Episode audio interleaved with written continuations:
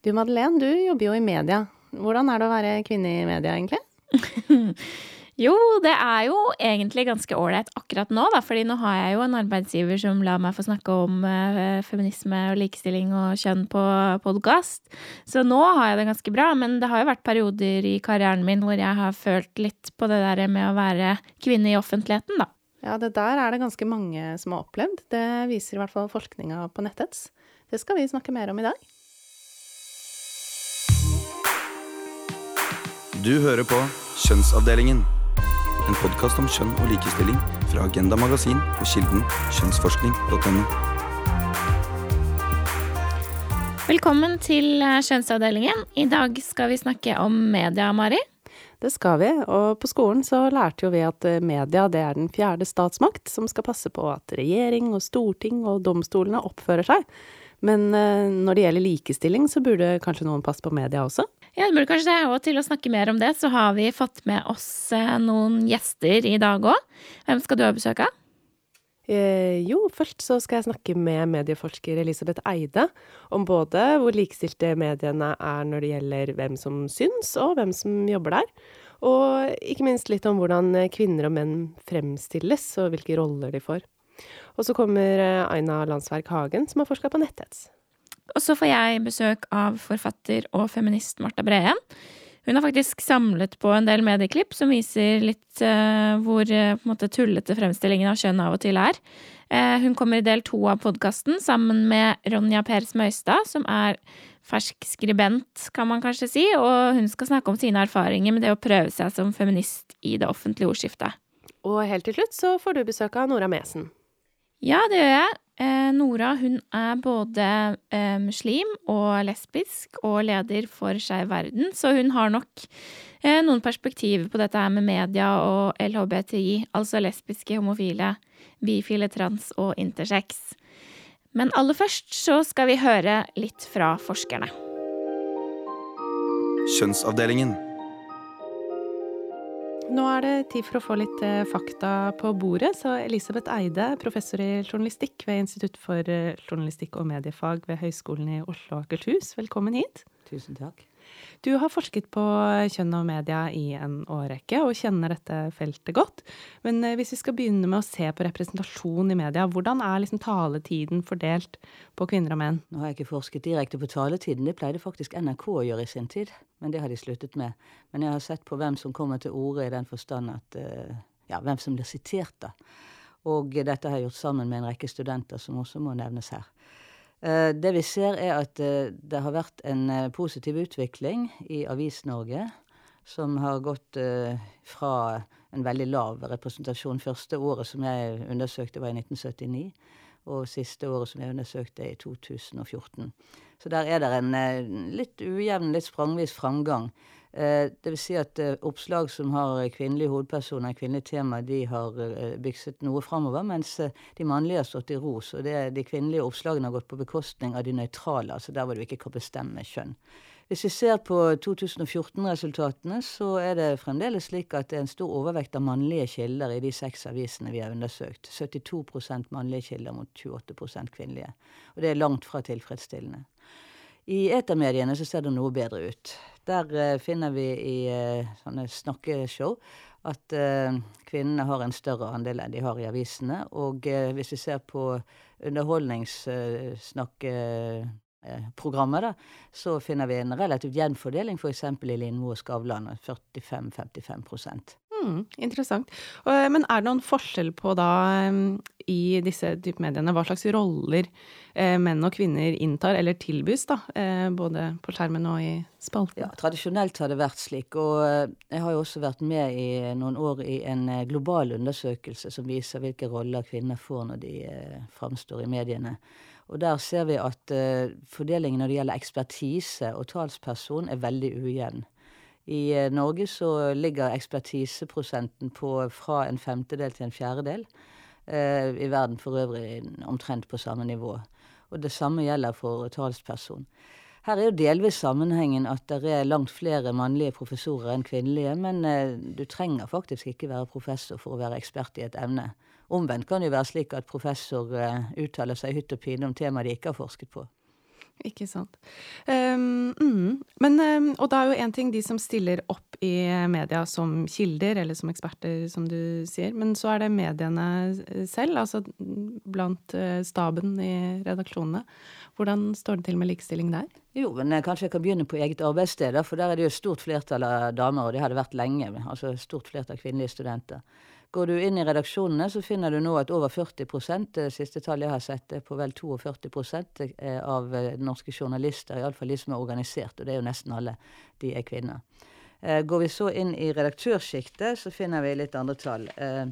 Det var jo nylig et oppslag i mediene om at bare fem av de 50 avisene som er de største i Norge, bare fem av de hadde kvinnelig sjefredaktør. Så der er tallet skeivt. Eh, andelen kvinnelige medlemmer i Redaktørforeningen er bedre, og det kan jo gjøre at det kan bli litt mer lovende på sikt.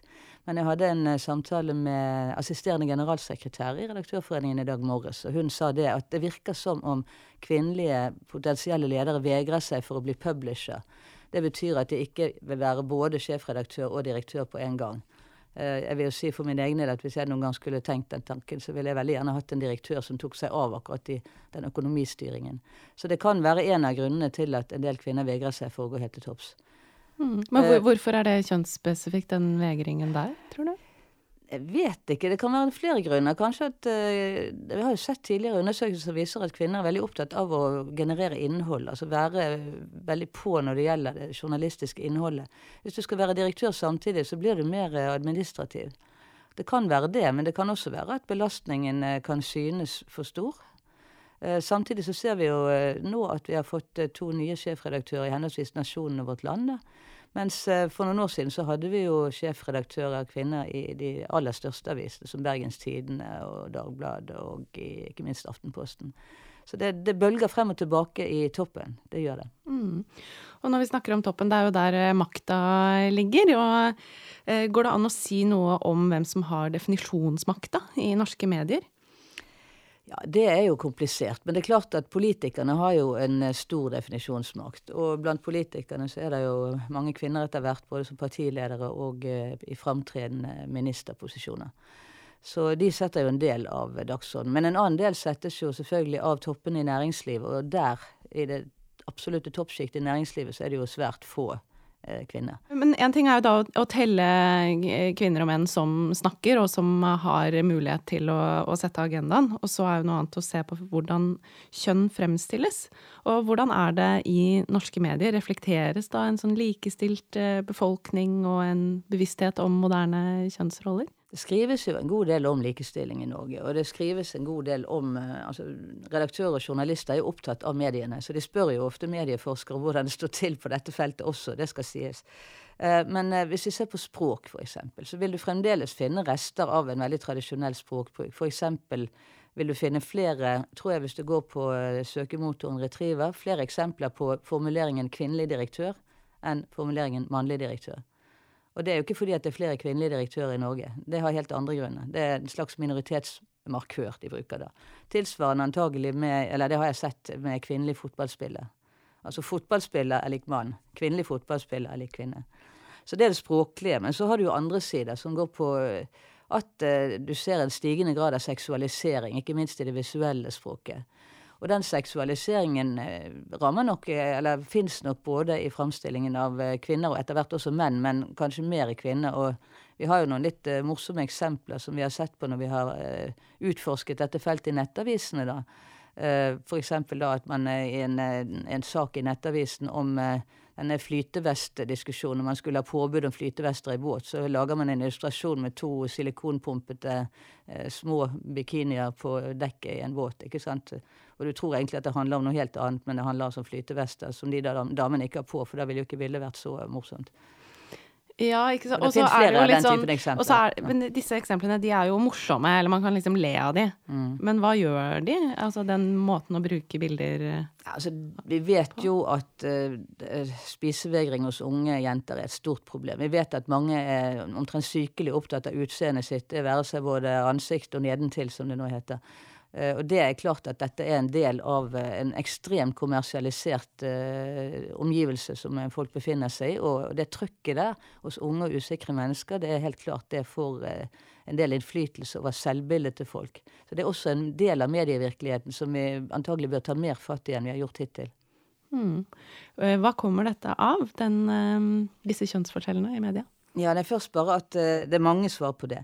Men et av svarene er jo at Eh, det fins en eh, seig eh, journalistisk tradisjon som prioriterer en del typer nyheter som kanskje favoriserer mannlige kilder, da. eksempelvis kriminalitet. Det er veldig stor forskjell på antall kvinnelige og mannlige kriminelle, f.eks. Så har du sportifiseringen, som eh, andre forskere har grepet fatt i tidligere, og sett på det som eh, i Norge er nesten en eh, fotballisering, og da snakker vi mannefotball. Så det at de feltene som er tradisjonelt høyt prioritert i journalistikken, de forklarer noe av denne skjevfordelingen. Så kan du si, og det sier en del journalister også, at kvinner vegrer seg av og til mer enn menn for å stå fram. Det tror jeg stemmer. Og det kan jo også være fordi at eh, trykket er stort når det står fram i dag. Ikke minst så kan du få mye negativ respons i sosiale medier. Og for kvinnenes del da mer seksualisert mobbing enn det menn opplever. Og så kan det være at uh, det er flere på toppene som er menn enn som er kvinner. Altså at uh, både i professorsjiktet, i ordførersjiktet og i deler av politikersjiktet, og ikke minst i næringslivet, så, så finner du flere menn. Og journalistikken er topptung. Og så kan vi stille spørsmål trenger den være så topptung. Det er jo klart det er enklere å sitte inne i redaksjonen og ta en eh, telefon til en direktør, enn det er å gå ut og snakke med de som eh, direktørens avgjørelser går utover. Det er litt interessant det du sier med at man eh, sparer litt arbeid med å ta noen telefoner til folk i maktposisjoner, og det handler jo kanskje også om å ta en telefon til en kilde man allerede vet at leverer, på en måte. Og eh, hvis vi skal se på mediebransjen, da, og de er jo veldig flinke til å fortelle oss at de er pressa og i omstilling og Altså, har denne mediekrisa noe med eh, likestilling i media å gjøre? Det vet vi ikke ennå, tror jeg. Men eh, vi kan se to tendenser kanskje der. Altså På den ene siden så er det klart at eh, krisen har eh, gjort noe med mulighetene for å bevege seg ut for å reise også. Reporterne får ikke lov å reise så mye lenger heller. På den annen side så er det fremdeles rom for å gå ut i uh, gaten eller skaffe seg informasjon fra folk som befinner seg lenger nede i samfunnshierarkiet. En annen side som kanskje vi også bør nevne, det er at postfakta uh, uh, ja, hva skal jeg kalle det, postfakta-utfordringen, da. Fordi ja, hva, at, hva har den med kjønn å gjøre? Nei, jo, mm -hmm. Litt indirekte. Fordi at det vi ser, er at uh, journalister i Norge har svart på det og sagt at dette kan gjøres til en god ting. Ved at vi blir mer opptatt av undersøkende journalistikk. Mer opptatt av å grave fram de virkelige sannhetene opp mot dette konglomeratet av usannheter som nå spres på sosiale medier. Men så er det slik at innenfor det sjiktet av de som f.eks. vinner priser da, for den typen journalistikk, undersøkende journalistikk, der er det et stort flertall menn. Så det er et område som har vært veldig eh, bemannet opp gjennom de siste tidene. Eller ja, de siste 20-30 årene så har vi sett et stort flertall av denne typen priser. Både den store journalistprisen og det såkalte SKUP-prisen. Det er altså eh, Stiftelsen for kritisk og undersøkende presse. Eh, der et stort flertall av de prisene har gått til menn. Og der eh, håper jeg på en forandring, at kvinnelige journalister blir eh, mer involvert i denne typen journalistikk. Fordi at det kan også kanskje føre til at eh, flere kvinnelige kilder kommer fram. For uh, de fleste undersøkelser indikerer jo også at kvinnelige journalister er flinkere til å velge kvinnelige kilder. Og dette skjer også hvis du korrigerer for det området de befinner seg på. Altså innenfor la oss si, utdanningsområdet så vil en kvinnelig journalist kunne stille flere spørsmål til en kvinnelig kilde enn en mann vil gjøre. Så denne utviklingen byr på utfordringer, men eh, jeg er likevel litt optimistisk fordi at jeg ser at eh, en del sider ved representasjonen har gått, igjen, eh, gått framover de senere årene. Hvordan ser det ut fremover? Altså, hva kan gjøres for å få en likestilling i mediene?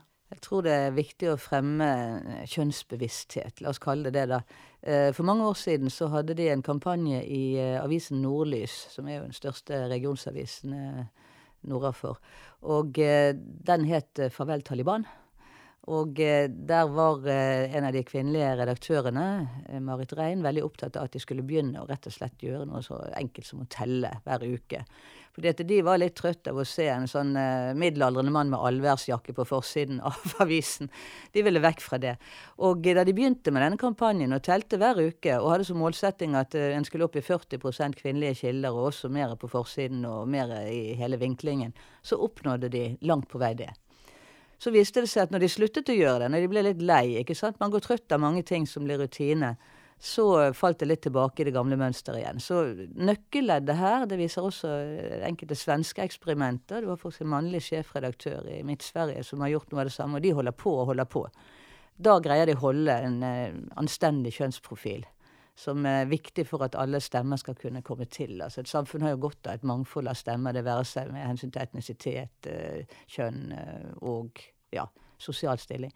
Så det å være bevisst på det, og det å la det, bevisstheten eh, materialisere seg i en rutine i redaksjonen, er kanskje det aller mest sentrale her. Eh, takk til deg for dette, Elisabeth Eide, professor i journalistikk ved Høgskolen i Oslo og Akershus. Takk for meg.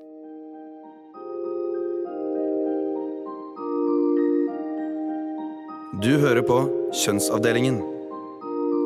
Ja, hold fokus. Det er også tipset fra Elisabeth Eide når det gjelder eh, likestilling i media. Og så er det jo også sånn at bildet er faktisk ikke så ille når det gjelder kjønnsbalanse i redaksjonene. Og blant redaktører så er det også mange kvinner, da kanskje særlig på mellomledernivå. Så, så dette var jo ikke så ille.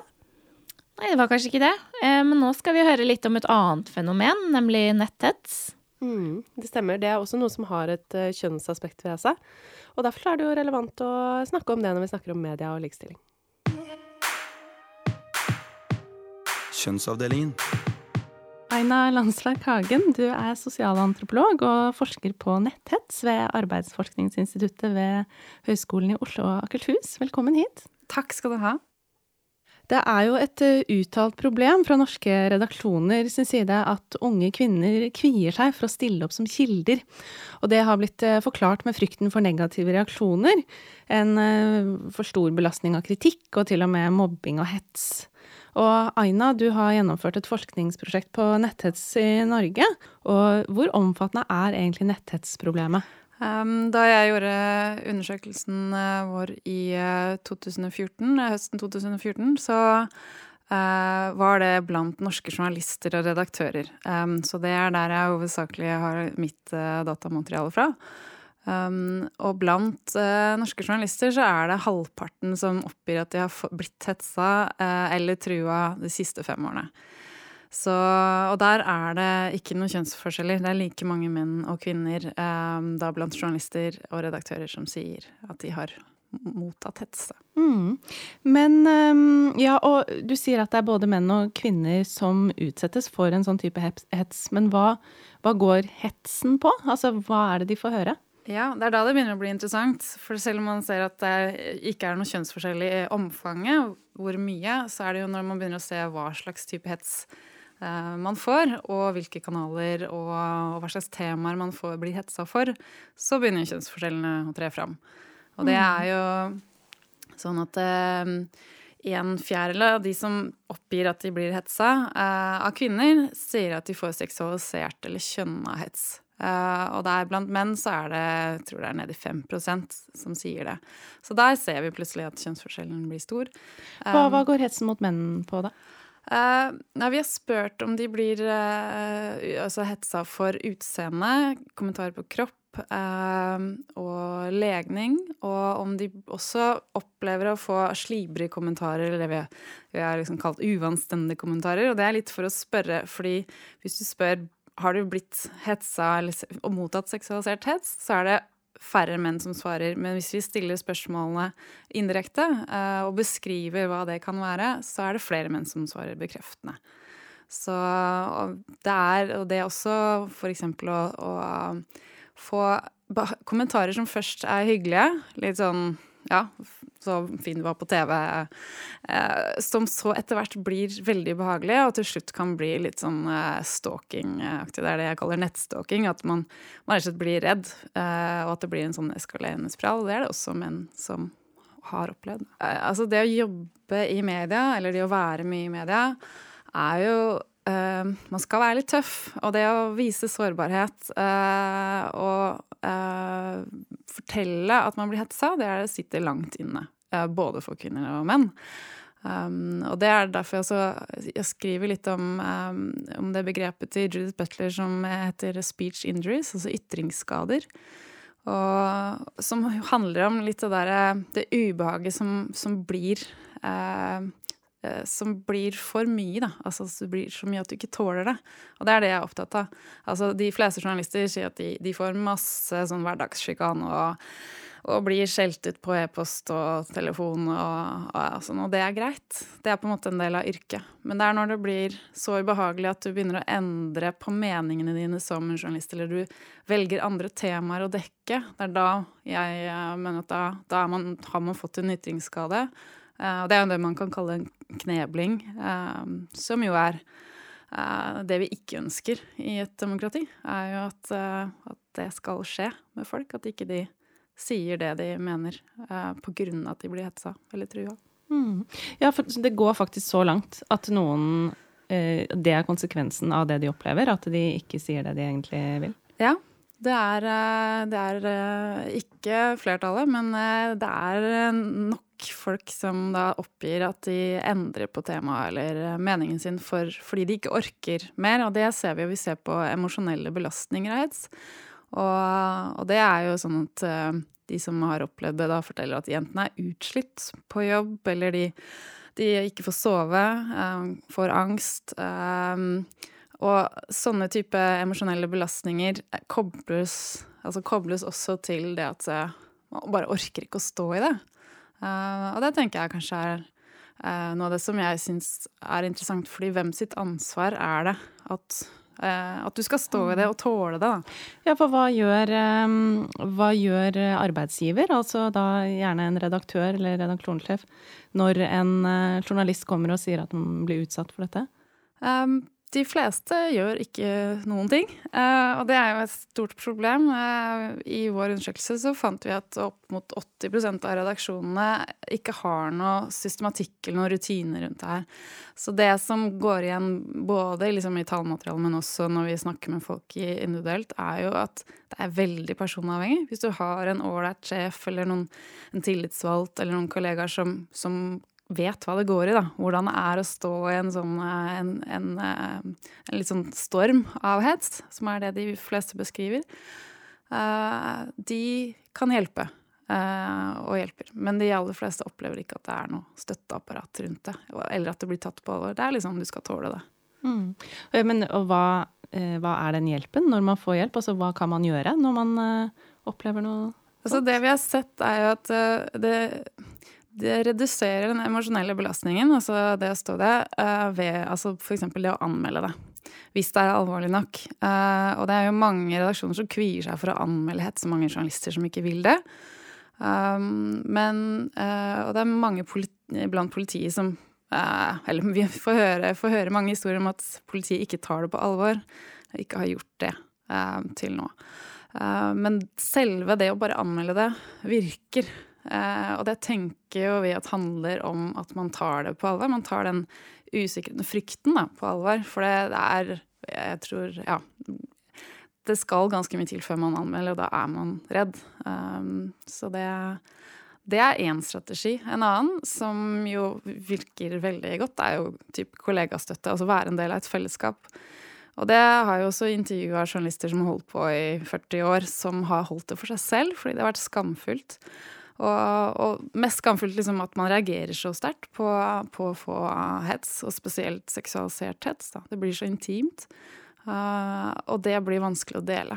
Um, men det er jo også historier da om altså når man deler det, når man forteller det til andre, så får du uh, som regel støtte, og så er det andre som også opplever det, som har holdt det for seg selv. Så det er jeg opptatt av, at det er, det er viktig å snakke om det, og også innafor redaksjoner som, hvor man gjerne har skullet være liksom, tøff og ja, stå i det. Mm, det er viktig å vise at dette er noe som gjelder flere.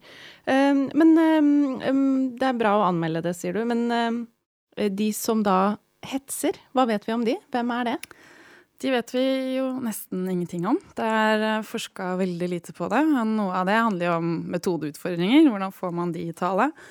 Eh, men uh, i min undersøkelse så spurte jeg hvem de som mottar hets, hvem de tror det kommer fra. Og i halvparten av tilfellene så er det anonymt, sånn at man på en måte får en antakelse. Man kan ikke vite det helt sikkert. Men Um, der svarer de at rundt ja, 85% tror de eller vet de er menn. Uh, og resten er kvinner. Så det er ikke bare menn som hetser, uh, men det er et flertall.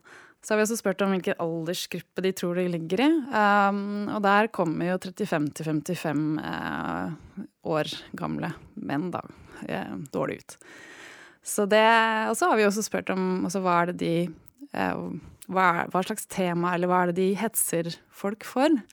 Uh, og der er det noen interessante funn i fått at jeg hadde jo en antakelse om at antifeminisme og rasisme ville trone høyest. Uh, men der er det konspirasjonsteorier. Er det folket det er det som måte utløser hets, da.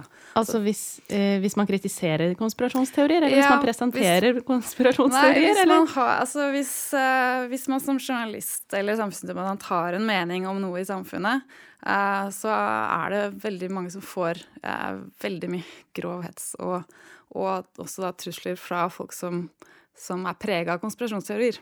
Men eh, når man vet om disse triggertemaene og litt om hvem som opplever dette, eh, hva vet du om hva eh, mediene gjør med tanke på å be folk stille som kilder til disse forskjellige temaene? Er det noen bevissthet, eh, noen ansvarstagen der overfor de man eh, eksponerer? Jeg tror igjen at uh, ut fra det vi ser og vet, at det er veldig avhengig. Det er fra redaksjon til redaksjon, og det er personavhengig. Um, og det en intervjua unge bloggere så, uh, og samfunnsdebattanter om det her, så sier de at det er veldig tydelig for dem at mange redaksjoner, og spesielt de store redaksjonene, vil veldig gjerne ha unge jenter, spesielt med minoritetsbakgrunn, til å stille i debatter. Og det er de som er mest sårbare og får mest. Sånn at det blir eh, Det er, eh, det er ja, det, være, det, er en avveining. Hvem, og jeg er opptatt av hvem er som har ansvaret da. Uh, og jeg tror at mange redaksjoner har fått på plass rutiner. Jeg vet at de største har det, som NRK og, og VG og sånn, men det, det, går liksom igjen at det er veldig tilfeldig, og ikke et apparat rundt det. Hmm. Er det noe mer vi burde vite om netthets? Eh, netthets er kjønna til en viss grad, men det er nett, i kombinasjonen med alder eh, vi ser at det blir interessant. For vi ser at eh, selv om det er eh, like mange menn og kvinner som får eh, hets blant journalister, så er det større andel av de yngre kvinnelige journalistene får det. Sånn at eh, hvis du er mellom 25 og 35 år, så får du dobbelt så mye hets som dine mannlige kollegaer i samme alder. Og det tenker jeg er noe med Altså vi ser jo også at da, da, er man jo ung, man er på vei inn i et yrke. Og hvis det da ikke er noe støtteapparat eh, rundt deg, så, så, er det en gruppe her som, som får den ekstra liksom, byrden ved å tåle det. Eh, som jeg ikke Det mener jeg ikke er riktig, at det skal være sånn. Nei, men takk skal du ha for uh, at du fortalte om forskningen din på netthets, uh, Aina Landsverk Hagen, fra Arbeidsforskningsinstituttet på Høgskolen i Oslo og Akershus.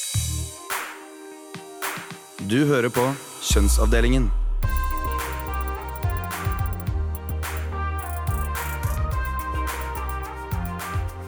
Ja, altså gode, gammeldagse hersketeknikker, bare på nett, kan man jo kanskje kalle det Aina snakker om her. Mm, ja, det er nok en måte å beskrive det på. Eh, men nå som vi har hørt eh, litt om hvor utbredt det her er, så skal vi høre fra noen av de som potensielt eh, blir utsatt for det. Du nevnte jo innledningsvis hvordan det var for deg i starten av karrieren din, og nå skal vi snakke med en som er nettopp der, nemlig Ronja Peres Møystad, som går på Westerdals og har vært praksisstudent på arbeidsplassen din, Agenda Magasin. Mm. Det skal vi. Og så kommer det også en til som har vært i gamet litt lenger, nemlig forfatter og styreleder i Norsk faglitterær forfatter- og oversettforening, Marta Breen. Martha, eh, vi har jo skrevet en bok sammen. Mm.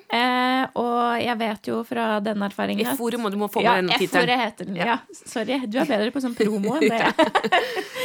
Um, og jeg vet jo fra den erfaringen at du er ganske glad i å spare på sånne eksempler på hvordan språket kan brukes på ulike kjønnsdiskriminerende måter. Mm. Um, jeg ba deg om å ta med noen. Jeg vet ikke om du har gjort det. Ja, men- altså jeg har eh, Jeg, jeg samler på mye. Jeg samler blant annet på, på ord og uttrykk eh, som, er vel, som jeg mener er eh, et eksempel på at det mannlige blikket regjerer, da, også innafor journalistikken og sånne ting. Eh, og jeg samler på, mm, eh, på negativ tilbakemelding som man får, som ofte er, som er kjønna. Eh, ikke all generelt, det er helt greit med litt negativ tilbakemelding, men alt det som liksom går direkte på kjønn, da. Ja. Eh, og, og bruker det innimellom. Eh, fordi at jeg skal Det er veldig sånn klargjørende da, for å vise en sammenheng. Altså si at det, sånn eh, eh, eh, Det er jo forskning som viser også? Vi fikk en Fritt Ord-rapport for eh, et par år siden som viste at, viste at den tilbakemeldingen som kvinner og menn får, er veldig forskjellig. F.eks. fra sosiale medier. Og, og eh, menn får også masse drit hvis de snakker ut i offentligheten.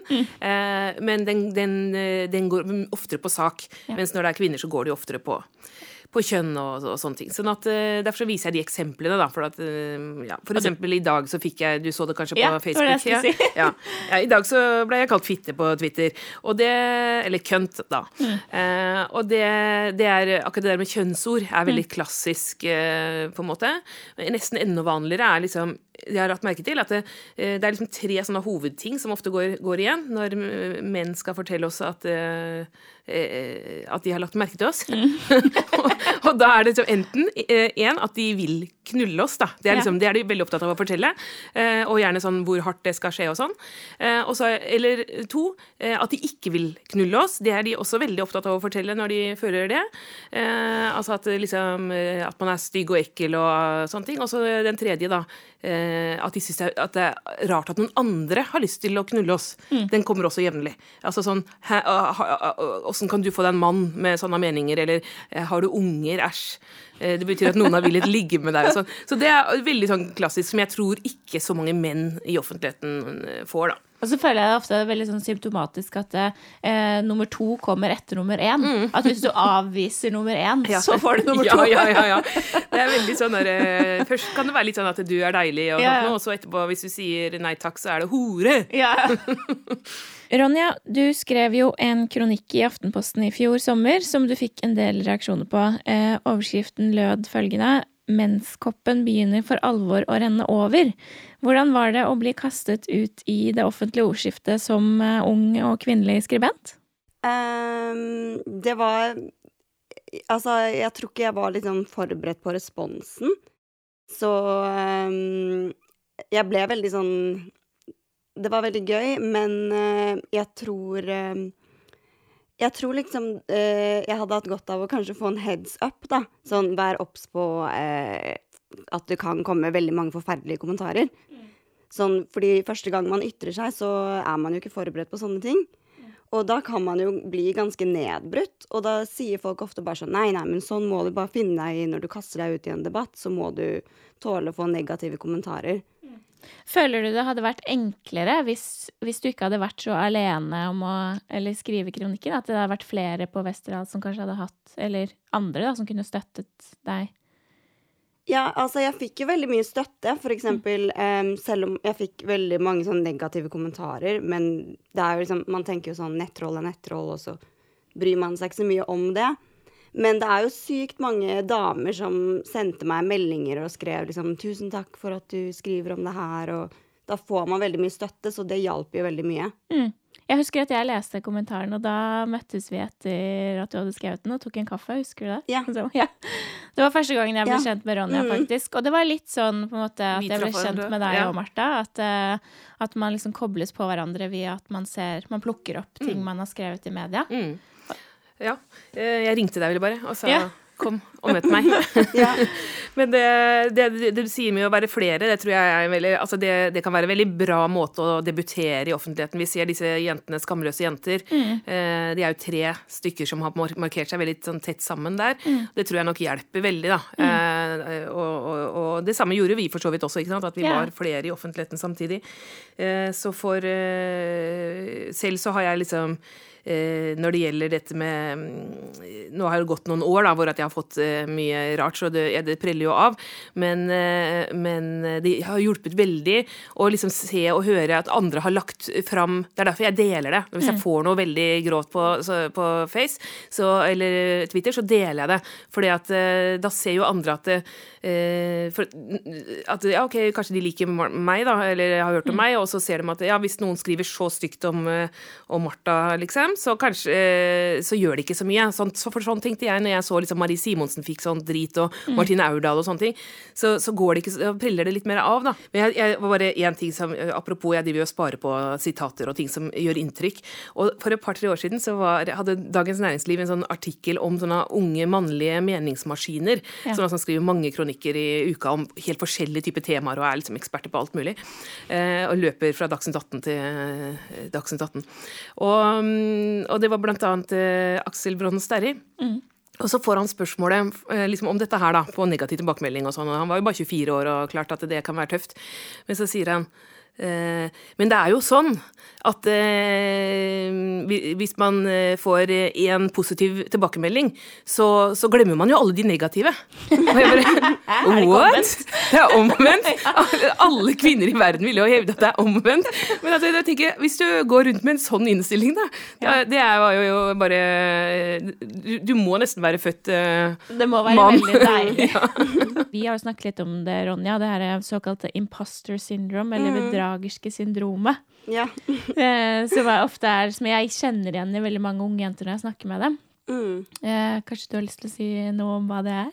Det er vel kanskje å snakke seg selv ned og tro at man er dårligere enn det man egentlig er. Som også er litt sånn øh, Kanskje litt sånn norsk ting å gjøre også. Du skal liksom ikke skryte av deg selv, men det er også veldig sånn jentete ting å gjøre, kanskje. Sånn de gangene jeg på en måte skammer meg mest, da, er liksom hvis jeg på en måte vet ikke, jeg kanskje har drukket en øl for mye på byen og liksom sittet og på en måte eh, snakket veldig sånn engasjert om noe, og så kanskje også skrytt av meg selv, da. Så tenker jeg sånn Å, så utrolig usjarmerende, liksom. Blir han flau? Ja. ja får, noen ganger så får jeg liksom følelsen av at hvis du har skrevet en tekst, og så, er jeg sånn, så sitter jeg bare og venter på at nå kommer noen til å finne ut at jeg egentlig ikke kan noen ting. Ja, jeg har lest om det. Det er jo på en måte gjort litt sånn eh, Det er jo et ordentlig begrep, dette er imposter syndrome. Da, at, eh, at man føler at man, eh, at man har lurt alle. Men du lider ikke så veldig av det.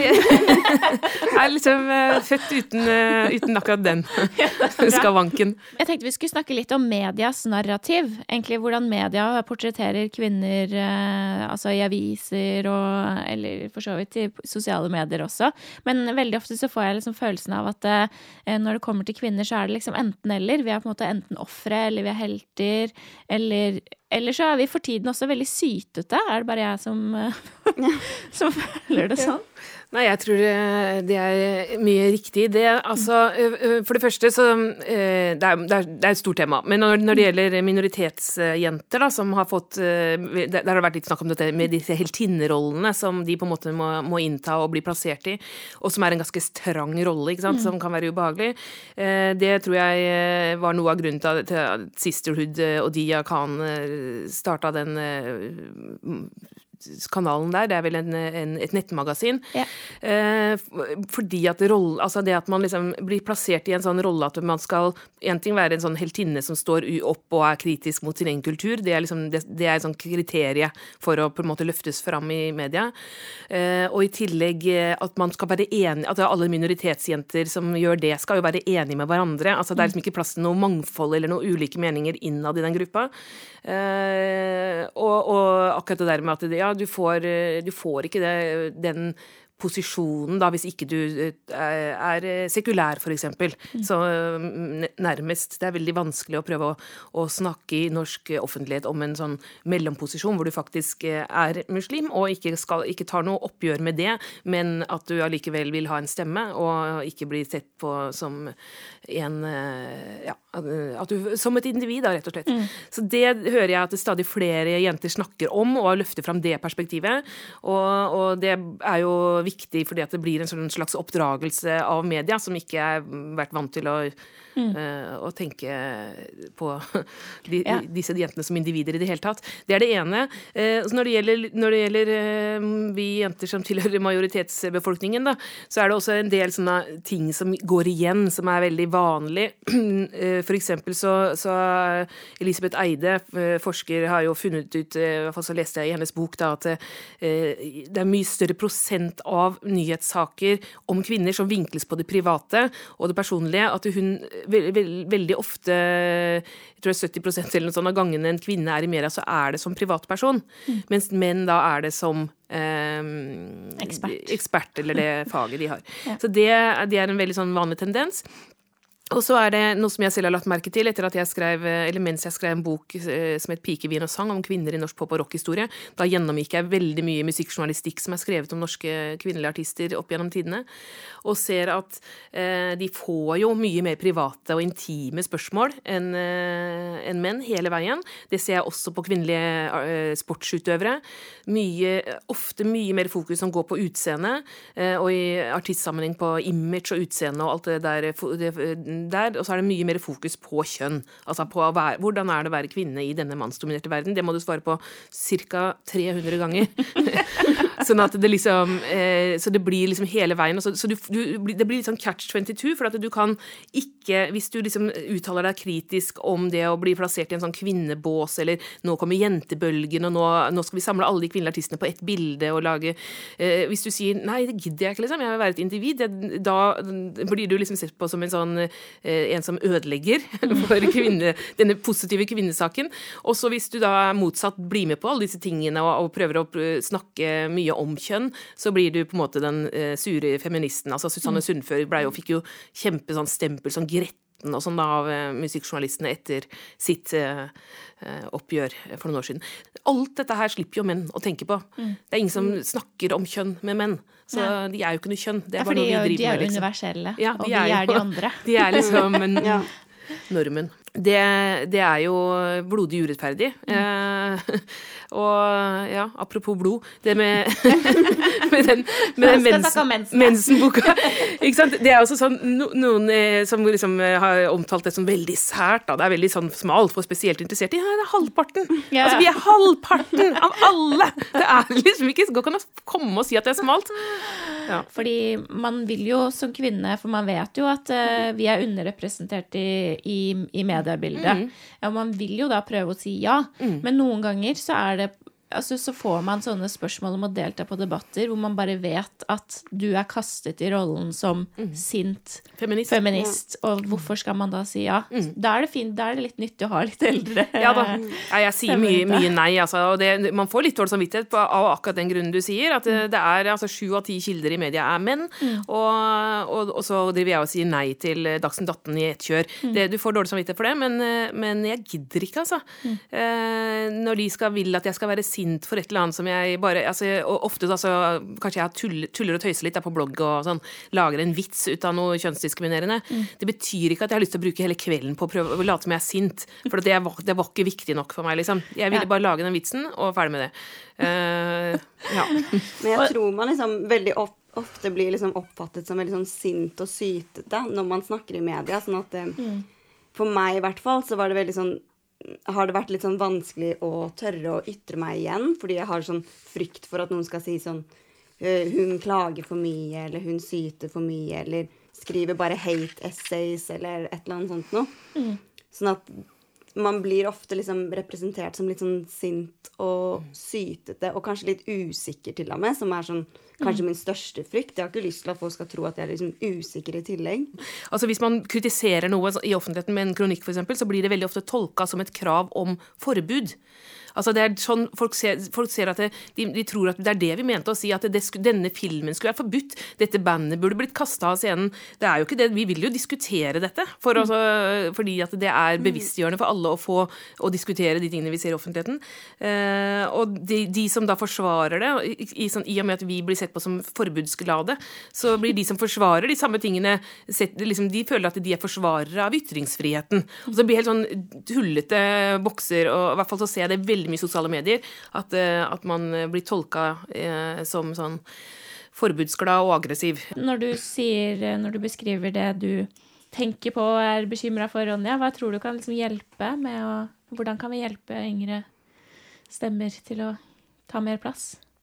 Um, altså, jeg, jeg, jeg, tenker ofte at sånn, jeg ser at ja, folk portretterer det som om det er så sykt mange sterke kvinner som får lov til å si hva de vil, eller unge kvinner som får lov til å si hva de vil i media.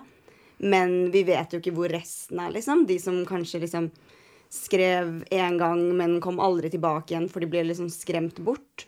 Mm. Så jeg tror bare sånn Jeg tror bare det er viktig å bare støtte hverandre, og hvis du ser noen som skriver noe som du syns er dritfett, eller lager et eller annet, altså, så kan man jo bare si det til dem. Mm, mm. Fordi jeg tror det hjelper skikkelig å bare få liksom positive tilbakemeldinger.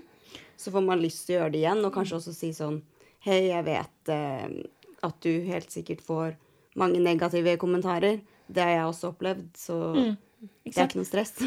En ting er at man eh, kan bli mye kritisert av antifeminister eller eh, mening, politiske meningsmotstandere og sånn. Det får man jo tåle. Det som jeg eh, syns er litt synd, er at det er såpass mange som egentlig er politisk enig med feminister, eller altså eh, folk som du regner som dine egne, da, som også benytter enhver anledning til å eh, kritisere de Altså feministbevegelsen i Norge som er ganske eh, Den blir omtalt som om liksom, det var den store maktfaktoren, da. Eh, men vi, det, hvem er altså, jeg, Når de sier sånn feminist feministene har svikta, feministene ditt og feministene Så hvem er, det du, hvem er det du snakker om, liksom? Er det hun ene som jobber på kontoret på Kvinnefronten, liksom? Ja. Eller er det de, de der som lagde det toget der borte, eller er det de som lager dette arrangementet? Altså, hvem eh, Det er ganske sånn sårt, syns jeg, altså. Mm. At såpass mange Mye menn, syns jeg, på venstresida f.eks., som benytter enhver anledning til å kritisere. Eh, og jeg føler at feminismen blir liksom brukt som et sånn gissel i en kulturkamp, hvor Eh, på, og man får spark fra høyre og venstre.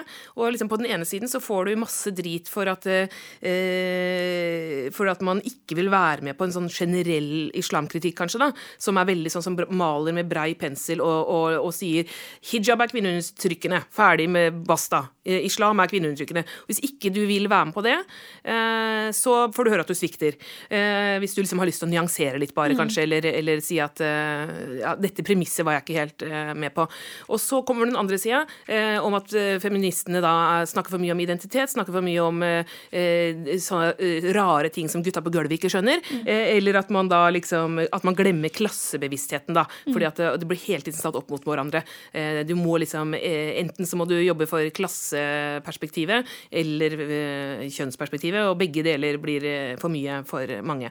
Jeg hadde ett spørsmål eh, før vi avslutter, Marta, som jeg tenkte kanskje kunne avslutte med. Det, for noen år siden, for noen år tilbake, så var det eh, en skribent, det var vel Marte Michelet, som foreslo en såkalt Vær varsom-plakat, som ja. handlet om kjønn. Mm, for mediene. Og det husker jeg at det ble liksom litt sånn latterliggjort og, og, avfeid veldig som et sånn tullete forslag den gangen.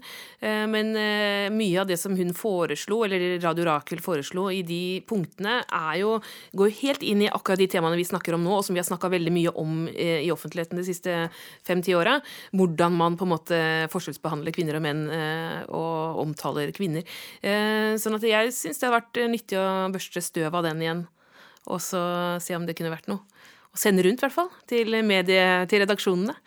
Og for de som er interessert i å lese denne plakaten, så eh, kan vi rett og slett dele den på Facebook og Instagram. Så der kan du gå inn og følge. Takk for at dere kom, begge to. Ronja og Marta. Takk. takk.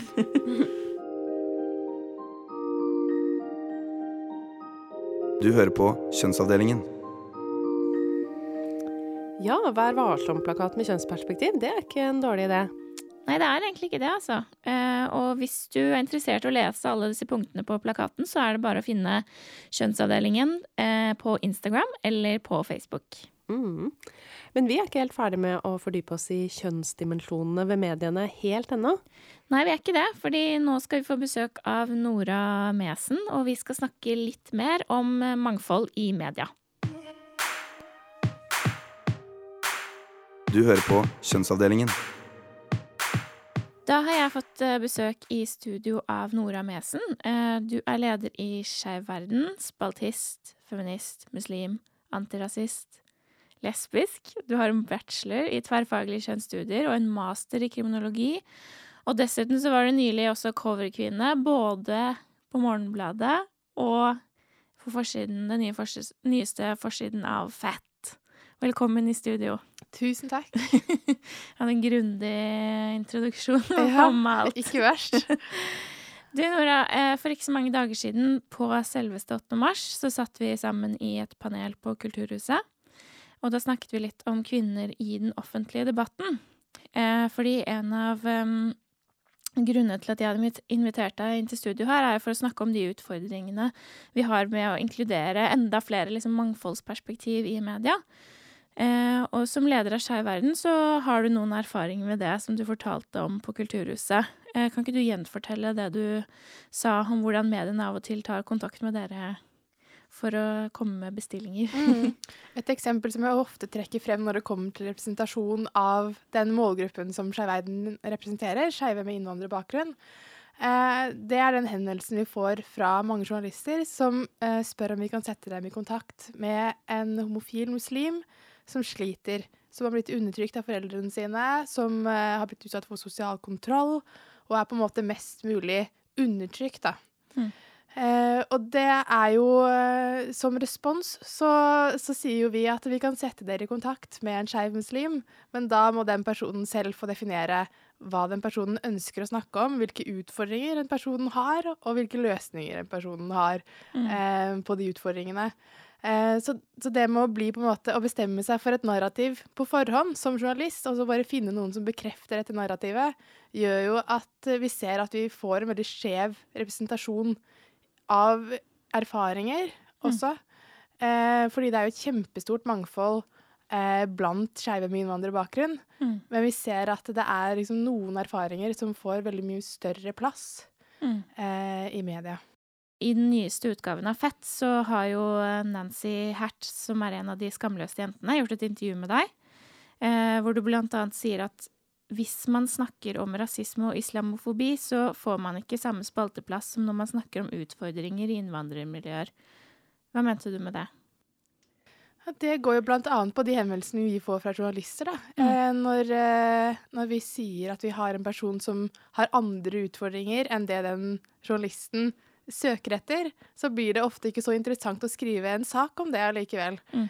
Eh, og det er mange som opplever at ens utfordringer når det kommer til rasisme da, eller islamofobi eller andre typer former for diskriminering som man kan møte på, ikke blir tatt på alvor i samme grad eh, som de utfordringene som handler om sosial kontroll, eh, æresrelatert vold, eh, tvangsekteskap, den type ting, som er kjempeviktige temaer å snakke om. Eh, Men vi må snakke om begge deler, Mm. og ikke at det blir en enten-eller. Eh, for da mangler man eh, Da reflekterer på en måte ikke mediene virkeligheten også. Det er jo en av de eh, grunnene til at jeg snakker om viktigheten av det. At vi representerer et mangfold. Da må, eh, da må det reflekteres også i måten det skrives om oss på. Hodeplagget ditt er jo ofte en grunn til eh, høylytte offentlige debatter, og i dag så har du ikke på deg hodeplagg. Nei, jeg følte ikke for det i dag. Nei, andre dager så har du på deg hodeplagg. Eh, og, og det er jo en sånn ting som fort kan bli slitsomt for mediene, tenker jeg, når du nekter å kategorisere deg selv i en av boksene. Er det liksom et bevisst valg fra din side? At, eh, at, eh, liksom, at det er et grep du har tatt, eller? Det er jo et bevisst valg at det jeg har på meg skal være et valg som jeg har tatt selv, og som ikke skal skje på andres premisser. Og jeg syns jo det er ganske interessant um, hvordan, og forstyrrende, hvordan kvinnekroppen ofte blir gjort til gjenstand for symbolkamper.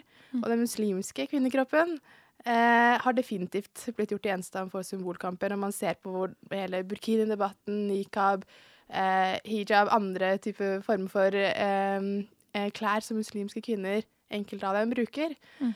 Eh, og da føler jeg at eh, definisjonsmakten over det plagget ofte blir tatt fra oss, da. Mm. Eh, så det er et sånt prosjekt som jeg har, eh, som er viktig for meg selv og min egen identitet som feminist også. Eh, å få lov til å eie det plagget, ta det på når jeg vil, ta det av når jeg vil, og ikke bli tillagt intensjoner om at jeg er undertrykt eller bakstreversk eller en sviker, eh, for de som mener at man må, man må velge enten-eller. Mm. Um, ja, så det er, eh, det er et veldig sånn personlig og politisk prosjekt for meg. Mm. Mm. Som jo er egentlig det feminismen handler om. Um, Nora, et begrep som ofte går igjen når man skal diskutere representasjon i mediene, er dette med interseksualitet. Uh, jeg klarte jeg nesten ikke å si det engang. Det er det som er poenget. Det skal være så forferdelig. uh, Men uh, er det et begrep du benytter deg av selv? Og hvorfor, i så Jeg benytter meg, altså Noen ganger så bruker jeg ordet hvis eh, jeg opplever at man har en felles forståelse av det ordet, men for mange så kan det virke fremmedgjørende. Og noen ganger så kan det være lettere å snakke om hva det betyr, enn akkurat å bruke den betegnelsen. Hva betyr det, Eh? Hvis du For meg så betyr det at eh, mennesker er komplekse. Mennesker er ikke bare kvinne eller bare uh, muslim eller ha, bare har uh, um, en funksjonsnedsettelse. Men kvinner Det finnes et kjempestort mangfold blant kvinner også, siden, hvis jeg skal velge ut kvinner akkurat nå, da. mm. Eller skeive med innvandrerbakgrunn. Det er kjempestort mangfold. Så det å se kompleksiteten eh, i de menneskene og de forskjellige erfaringene man har eh, når man går gjennom verden fordi man er den man er, Mm. det er interseksjonalitet for meg. Og det betyr at eh, måten du går gjennom verden på, Mm. er annerledes enn måten jeg går gjennom verden på. Mm. Eh, hvilke, hva er det som gjør at man har en lavere representasjon av personer med innvandrerbakgrunn i media? Selv om det er mange som vil, som har et ønske om å slippe flere til, hvorfor har vi ikke en større representasjon? Så en sånn type bevis bevissthet Mm. eh, må man ha, fordi representasjon kommer ikke av seg selv, og da må man tenke på sånn, de, de strukturene som gjør at flere Mm. ja, kan ha, oppleve hindre, da.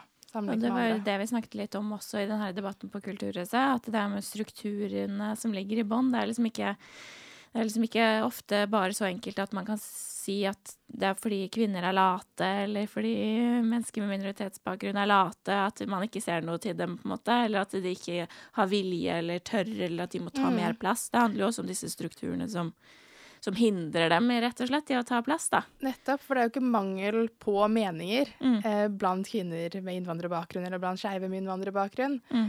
Eh, men eh, problemet er jo, og det her viser også en Fritt Ord-studie om ytringsfrihet som kom eh, for et par år siden.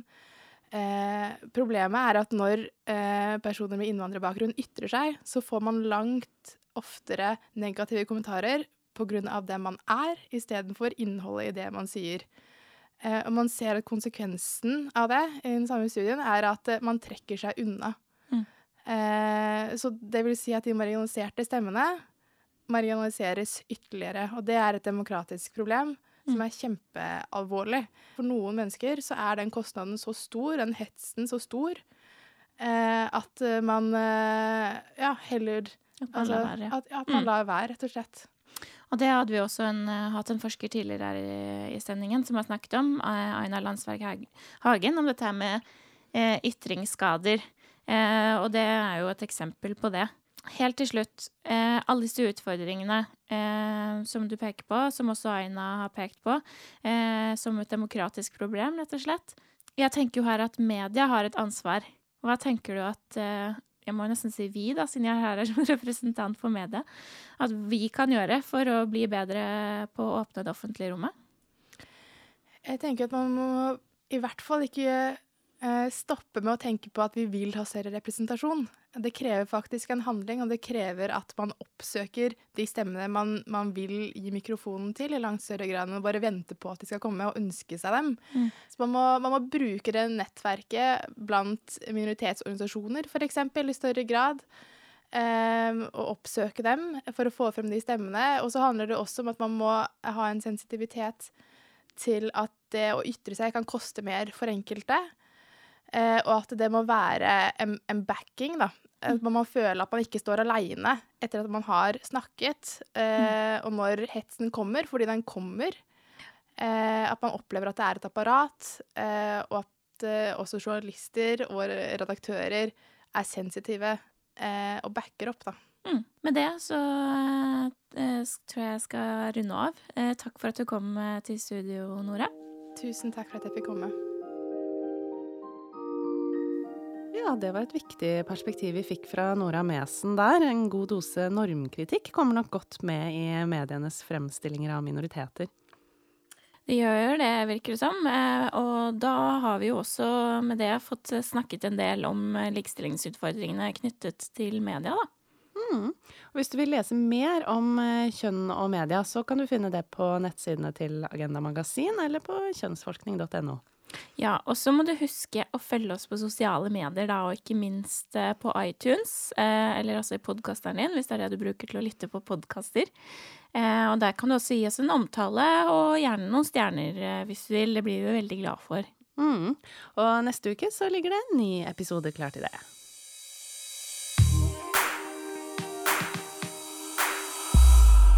Kjønnsavdelingen er produsert av Agenda Magasin og kilden kjønnsforskning.no ved hjelp av Ology Studio. Kjønnsavdelingen er støttet av Fritt Ord. Likte du likestillingspraten? Del den med noen, da vel.